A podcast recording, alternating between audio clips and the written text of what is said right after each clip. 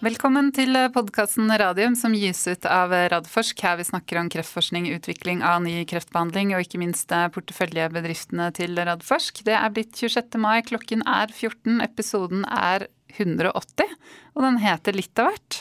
Hummer og kanari. Velkommen i studio, Jonas Einarsson. Takk skal du, Elisabeth. Nå er jeg veldig spent på hva vi skal snakke om. ja, ikke sant.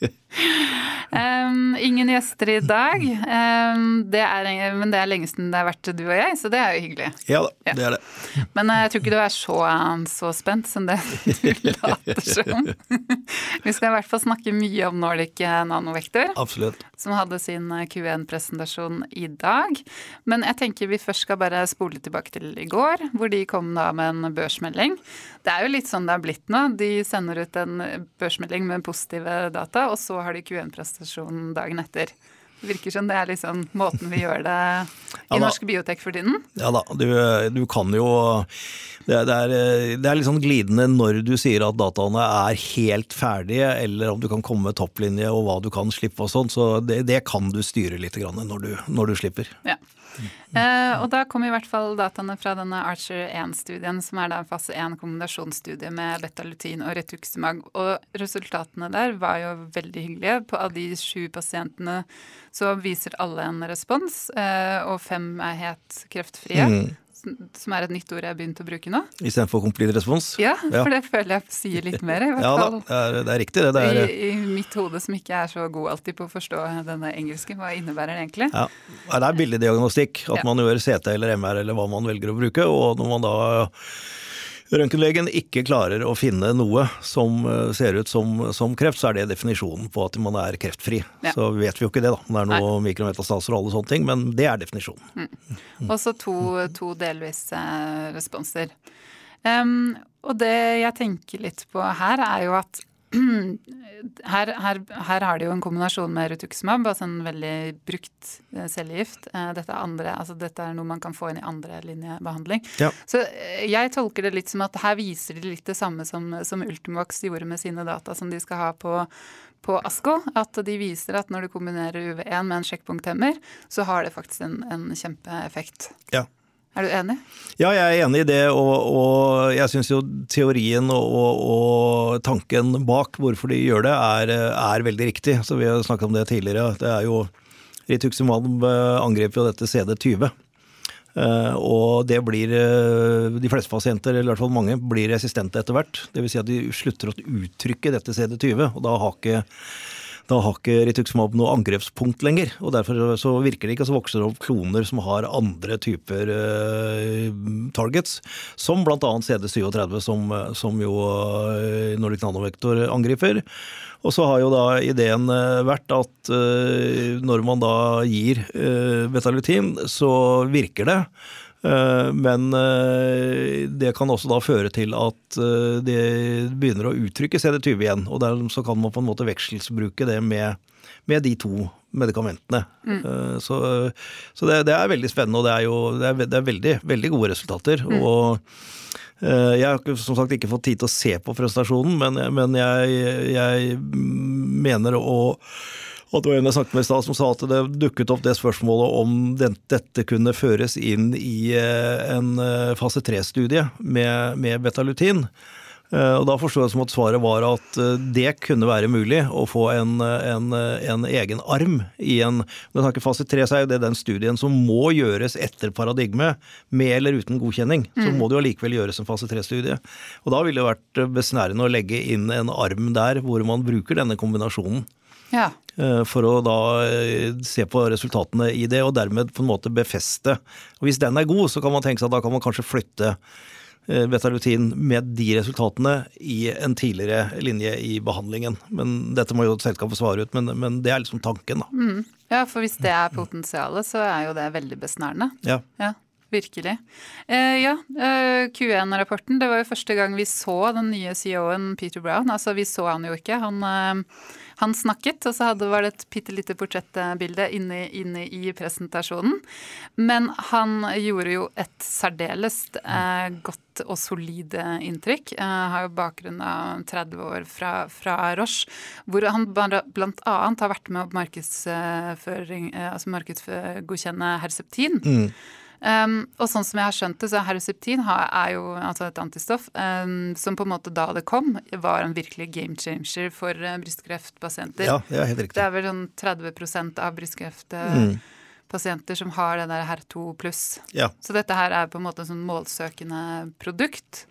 Um, og det, og det, ble jo FDA eh, godkjent allerede i 1998, når det kom til Norge. Det, det, jeg, det, har jeg ikke klart å Hadde ikke tid til å finne noe bakgrunn på. Men eh, Og så var det en del andre ting også som han på en måte Så han, det, det, inntrykket jeg fikk, er at her har de virkelig hentet inn en som har bakgrunn i å få ting i markedet. Ja. ja. ja. Og det er, eh, Jeg har i hvert fall forstått det sånn at budskapet fra de nå er at de, de skal ha dette mm. uh, ut på markedet. Ja. Uh, og at de skal klare det innenfor de tidsfristene de har sagt. For det vet jeg meg i hvert fall merker jeg, at de var knallharde på at den tidsfristen vi har sagt, den, den skal vi klare å holde. Ja. Og vi skal klare å inkludere disse pasientene. Eh, og fremgangen i, i rekrutteringen syns jeg er bra. Mm. Man kunne selvfølgelig ønska seg enda, enda, litt mer, men, eh, men, vi vet jo også at hastigheten øker i inkluderingen i alle studier, etter hvert som studiene begynner å rulle.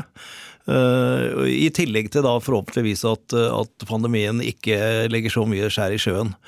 Så med ti pasienter, og hvis jeg oppfatta det riktig, så er det ti pasienter som var eh, inkludert. Og så det, sa de i tillegg at det var fire eh, i screening, hvorav to av disse fire skulle starte behandlingen veldig raskt mm. uh, nå. Og da er det en, uh, egentlig, det er en bra fremdrift i, i hvordan verden ser ut i, uh, i dag. Ja, jeg tenker jo også det.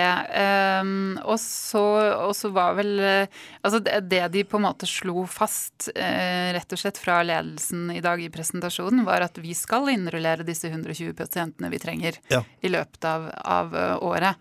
For de fikk noen spørsmål fra, fra lytterne eller seerne om kan dere på en måte godkjenne med færre, men da var det bare, de slo bare fast at nei, men vi skal ha disse 120.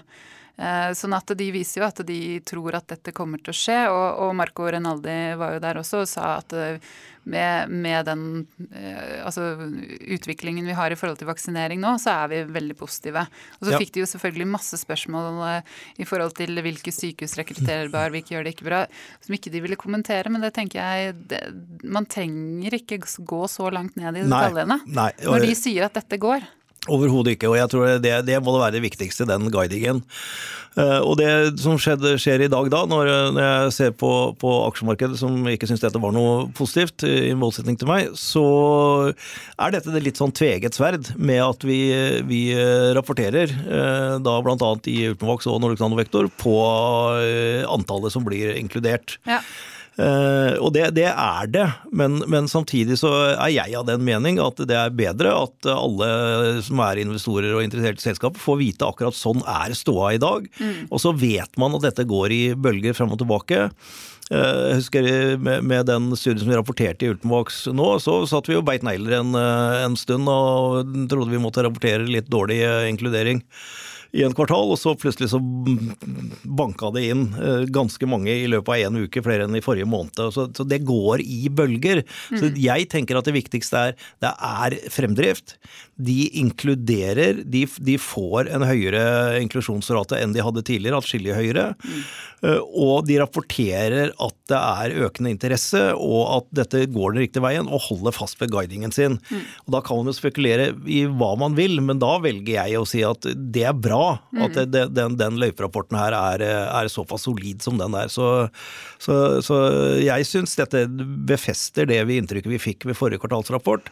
At det, det selskapet der er back on track, og de har nå ansatt den nye, nye CEO-en, og helt klart med, med det eh, formål at dette, det, denne studien skal gjennomføres. Den skal gjennomføres etter plan. Blir det én eller to måneder seinere?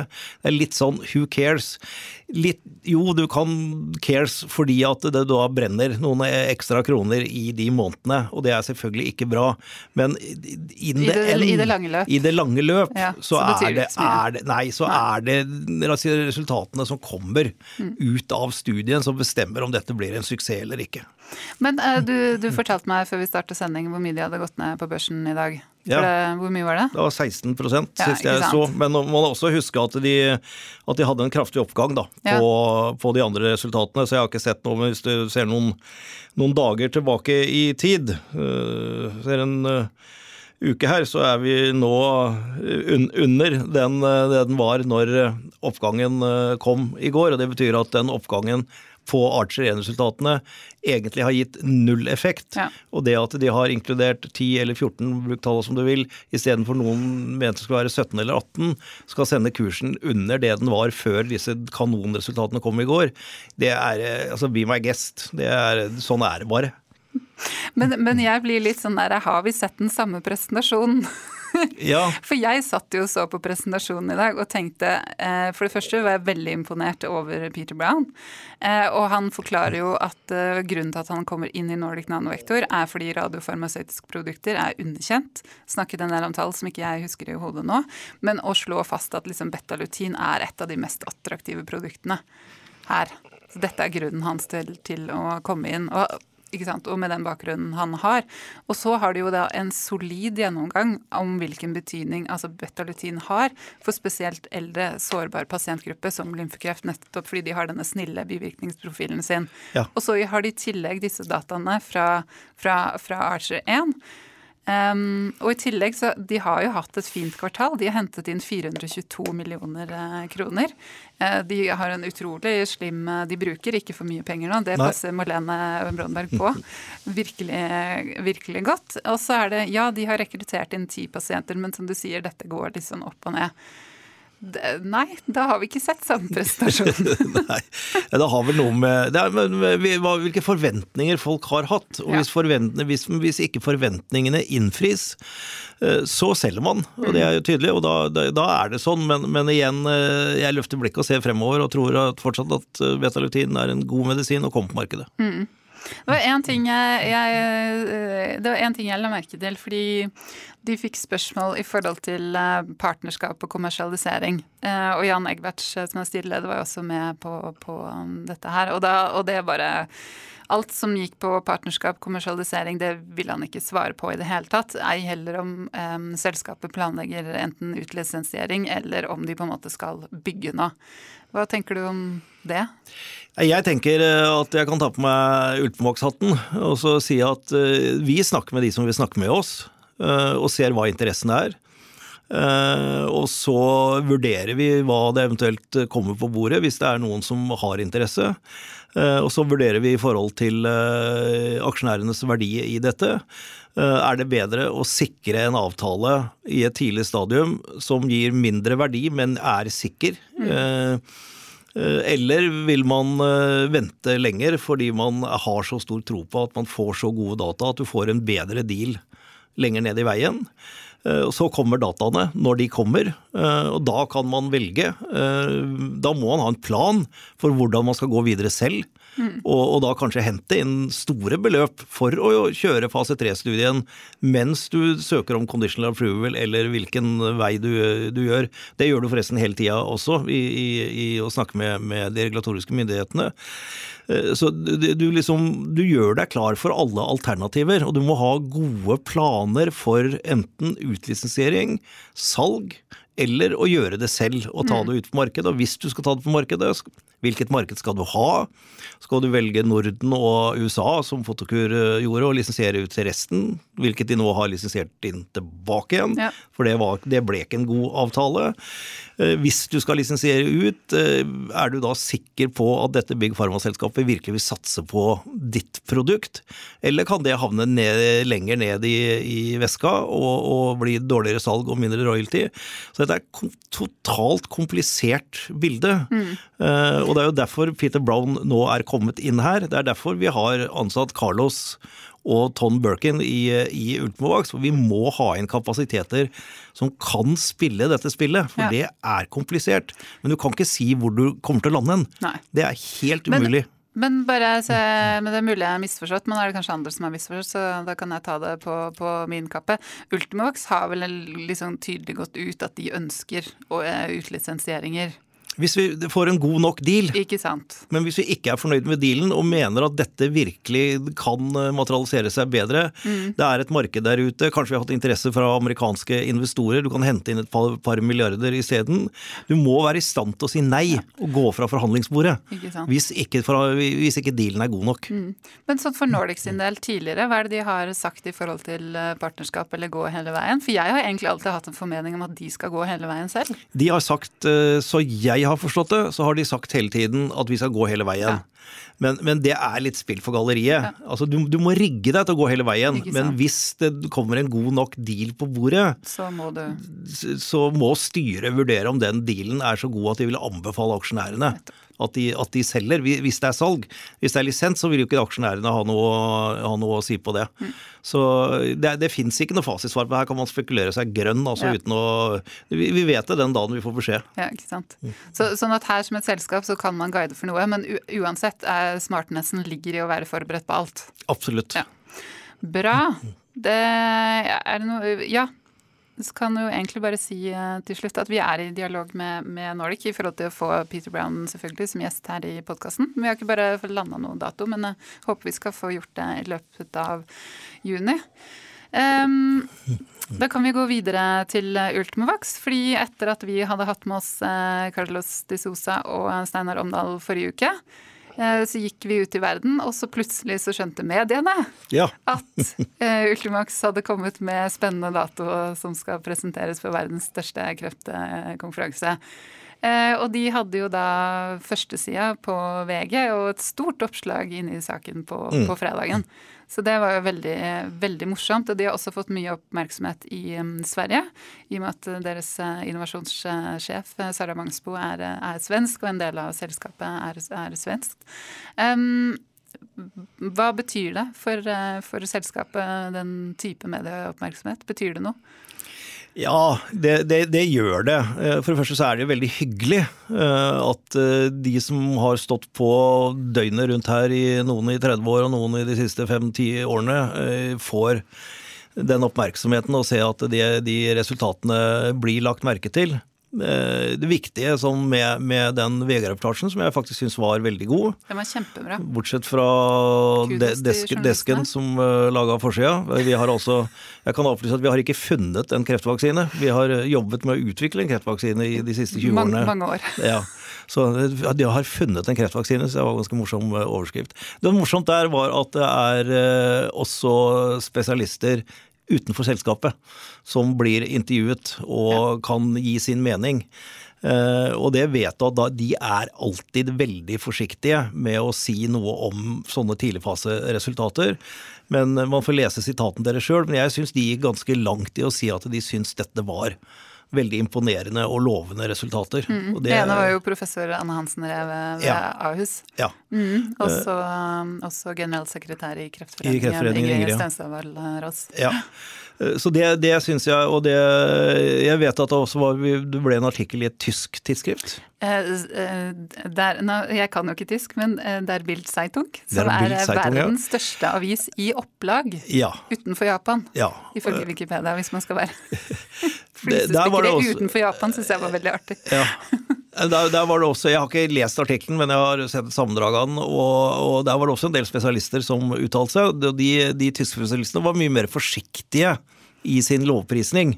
Ja, fordi de viste vel til at det var for fase 1-data, Ja. tidlig, få pasienter. Ja. ikke sant? De vanlige innsigelsene man har. Og de er der, og Ja. Mm. de skal være der. Og så eh, kan du si at vi har i hvert fall, tror jeg, at Jens og co. Jens Bjørheim som medisinsk sjef der, og har klart å legge frem sammenligningsgrunnlaget med historiske data på en veldig, veldig ordentlig og fin måte som lar seg forstå. Mm. Så man, man eh, Av historiske data så er i hvert fall den beste sammenligningen. Så, så, men, men igjen, vi må jo vente på de randomiserte. Men, eh, men nei, det, det, det er klart det er veldig hyggelig å få så mye oppmerksomhet. og og hvis vi da klarer å få like stor oppmerksomhet innen det vitenskapelige miljøet, og ikke minst i, i, i Big Pharma, så, så vil jo det være en pekepinn på at det, det er noen kort uh, i kortstokken til, til forhandlinger. Og, og analytikerne var også positive. Patrick Ling i DNB han uh, verdsatte selskapet opp uh, fra 87 til 125. Edison, som er internasjonal Mm. De gikk fra 99,4 til 114. Og ABG de satte en ny kurs på 115. Ja. Ja. Men så har jeg skjønt at det går en diskusjon på Tech-investor i forhold til den eh, verdivurderingen av selskapet. I forhold til hva man legger inn i den. Fordi det, hvis jeg har skjønt det riktig, man legger ikke inn eh, altså Disse analytikerne i hvert fall har ikke lagt inn det potensialet eh, vaksinen har, altså UV1, til å kombineres med alle mulige sjekkpunkthemmere og kanskje annen immunterapi i 85-90% av all kreft, Ja. som da uttrykker, uttrykker, uttrykker telomerase. Nei, de ser på de eh, studiene som selskapet har, og innenfor de indikasjonene som er der, og så legger de sin likelihood of approval, som de nå, nå har økt, da. Eh, Som er eh, årsaken til at modellen deres gjør det. Hvis de skulle legge inn potensialet til eh, UV1 i modellene sine, så vil det bli latterlige kursmål. Altså det ville vært så Ja, Snakker man litt sånn Donald Duck-tall der, liksom? Ja, vi snakker virkelig Donald Duck-tall. Hvis, du- hvis du legger inn det, så, så det, det er det ingen analytiker som, som vil gjøre. Eh, Og foreløpig så er det jo sånn at det må utvikles for hver indikasjon. Eh, Sånn at det er ikke sånn at det ligger et eh, potensial til å ta det i bruk i, alle mulige slags. Men det må være i den kombinasjonen som selskapet har vist, i den indikasjonen som selskapet har vist. Men potensialet ligger der. Og, og vi vet jo hva som skjedde med, med Keytruda og, og frameshift mutation, MSI high mutationene. Den fikk jo for første gang da en, eh, en indikasjon på at det kunne brukes på pasienter som hadde det, har denne mutasjonen, uavhengig av hvilken krefttype de har. Det potensialet ligger der, men det er helt umulig å regne på i dag.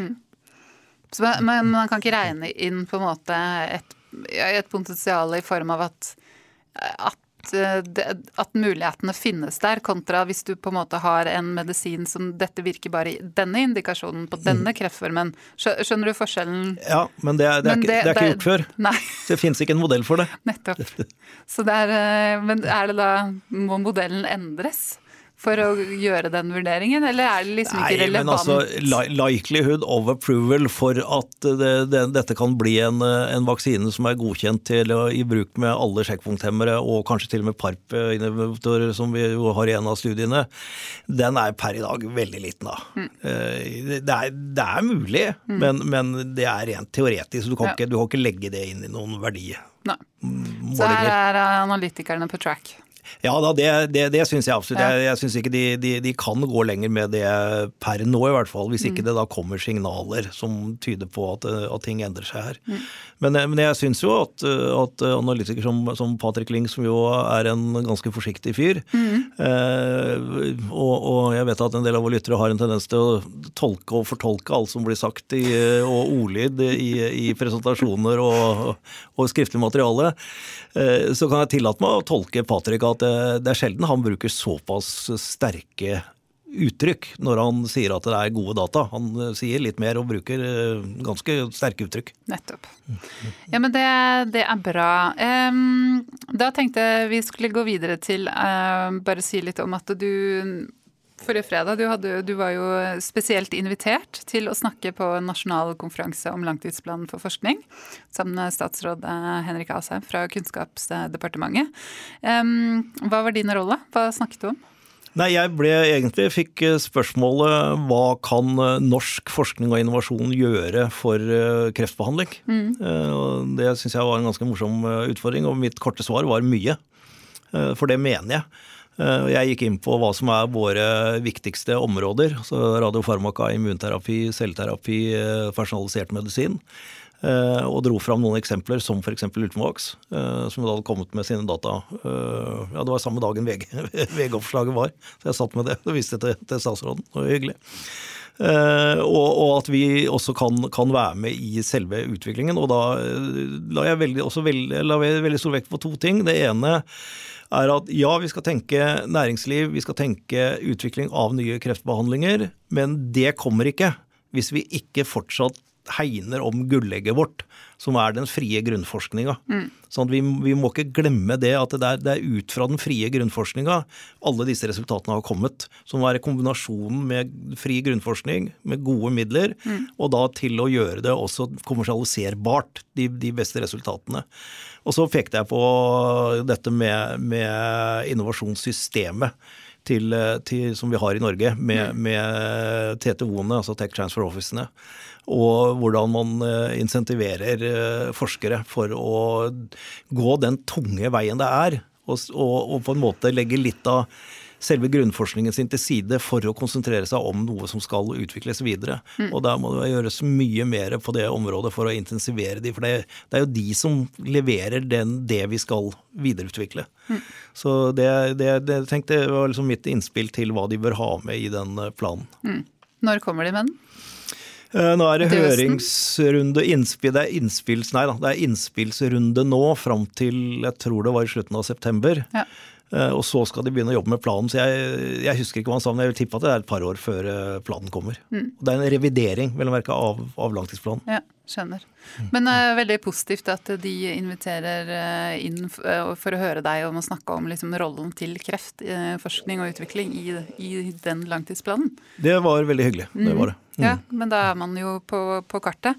Um, vi har et par punkter vi kan ta hvis vi har litt tid. Vi har faktisk ikke skravla så fælt. Så jeg bare det, var så mye som skjedde forrige uke, men vi hadde jo med oss bl.a. Mikael Ensig som leder Vaxibody.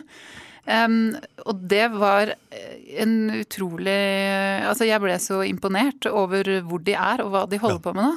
Så det hadde jeg egentlig bare lyst til at vi kunne si litt om. Deler du min Jeg merker at jeg er veldig entusiastisk i dag. Men, jo, men det er jo på grunn av at det er, skjer jo ekstremt mye positivt i alle selskapene nå. Ja, jeg syns man må få lov til å være litt entusiastisk i disse pandemitider. Ja, når, når, vi ser dette her. altså Ultenvaks leverer de resultatene. Ultenvaks har utviklet seg til å bli et stort biotekselskap i form av ikke antall ansatte eller hvor mye penger de brenner, men i form av det programmet de har, mm. som er fire randomiserte studier med over 500 pasienter. Vi snakker om uh, ikke, ikke, så lang tid før vi begynner å se noen readouts og data fra dette her. Det er kjempespennende, og med resultatene. Så har du Vaxibody som uh, altså er i ferd med å etablere seg som et virkelig stort internasjonalt selskap. Altså De går jo fra en liten norsk biotek til å plutselig bli en sånn global biotech slash pharma ja. om noen år, med liksom planer om å, om å børsnotere seg på, på Nasdaq. Ja. Eh, jobber med liksom verdens beste biotek, eh, Genentech, og har nå husker jeg ikke, i underkant av 200 millioner dollar på bok. Ja, altså de, de landet jo fjorårets største største biotekavtale med Genentech Roche. Mm. Eh, de eh, har alt å velge mellom absolutt alt å velge mellom, og mm. velger å bruke denne plattformen. Uh, og så da i tillegg til uh, nå programmet sitt på, på covid-19-vaksine, som uh, jeg fikk nesten hakeslepp når jeg hørte Mikael, fordi de har kommet mye lenger enn det jeg trodde. Og det høres utrolig spennende og lovende ut. Altså. Mm. Så, og så Nordic Nanovektor nå, on track, kommer til å levere paradigmeresultatene sine. Vi får krysse fingrene for det. Ja, og da er det jo, altså da, da går jo de rett i dialog med FDA. Ja, det, ja. Gjør, det, Gjør, de på de dataene der. Mm. Så er det, er det helt, helt, klart planen. Ja. At når du har den Det har vært det hele veien. Eh, at de skal, skal gjøre det. Og så, og så, får vi se da, hva, hva de får ut av det. Mm. Eh, om de får en conditional approval, eller om de må gjøre noe mer, eller, eller hva det er. Men, men, men, tidslinjene da, hvis vi bare er litt konkrete på det. Hvis de får conditional approval, når kan det da være? Jeg kan ikke de eh, godt nok. Eh, det vil eh, Det tar ikke lang tid å få det avklart. Jeg Nei. tror det er snakk om et halvt år, men, ja, men ta det med en klype salt. Men vi snakker 2022. Ja. Ja.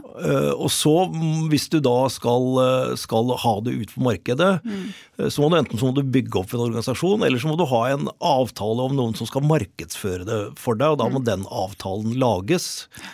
Men vi, uansett så snakker vi i løpet av et år? Ett til to år vil jeg si eh, at det er, er, veldig sannsynlig, hvis alt går på skinner. Mm. Så nei, men det, det, det nærmer seg i, i, flere selskaper, og de, de, modnes og de leverer data. Så mm. nei, jeg syns det, det, er veldig morsomt om dagen. Altså. Og Photocure. Ja, som, som er jo, jo selskapet som faktisk eh, selger som selger og har klart seg suverent gjennom, eh, gjennom pandemien. Eh, vokser eh, hele tiden, eh, leverer. Eh, virker som det er stor interesse også internasjonalt. Eh, jeg så her eh, så vidt det var før vi gikk ned, en Jeg skal ikke gode, gode for tallene, for jeg knabba de fra Tekinvestor-forumet, men eh, det hadde vært en voldsom økning i svenske aksjonærer oh ja. de, de senere dagene. Ja. Så hvis det er riktig, så, så ville det vært fantastisk om vi på en måte hadde knekt svenskekoden og fått uh, interesse i Sverige for våre selskaper. Men du, det er veldig morsomt at du sier. Det er helt anekdotisk, men jeg fikk en twittermelding her om dagen på svensk om når vi skulle ha med Photocure. Nettopp. Så det passer jo fint i det. Ja, ja. Og, og som jeg svarte han, og som jeg kan svare her, at de kommer i studio 9. juni. Det var det tidligste vi klarte, for de er eh, travle. Så ja, kanskje det De har liksom breaka Sverige. Det hadde vært Ja. kult. Ja. Så nei, det er, det er veldig mye spennende som skjer. Så bra. Ehm, det var eh, Vi har fått inn ett spørsmål fra lytterne, og det er eh, om Ultimovaksine, UV1-vaksine, produseres i Norge. Vet du det? Det gjør den ikke. Nei. Vi har, det er en uh, peptidvaksine, sånn, sånn syntetisk fremstilling, og det har vi ikke noen som gjør i Norge i dag. Nei. Det kan skje i fremtiden. det kan skje i fremtiden. Det hadde vært fint å ha hatt en gang. Mm. Ja. Men du, da har ikke jeg noe mer eh, på, på blokka. Det har du? Nei, da er, jeg tror vi er ferdig, ferdig for i dag. Ja, så bra. Um, vi kommer tilbake til planene for podkast neste uken. De er litt sånn eh, i det blå enda, men eh, det kommer alltid en podkast. Det gjør det. Ja. Takk for i dag.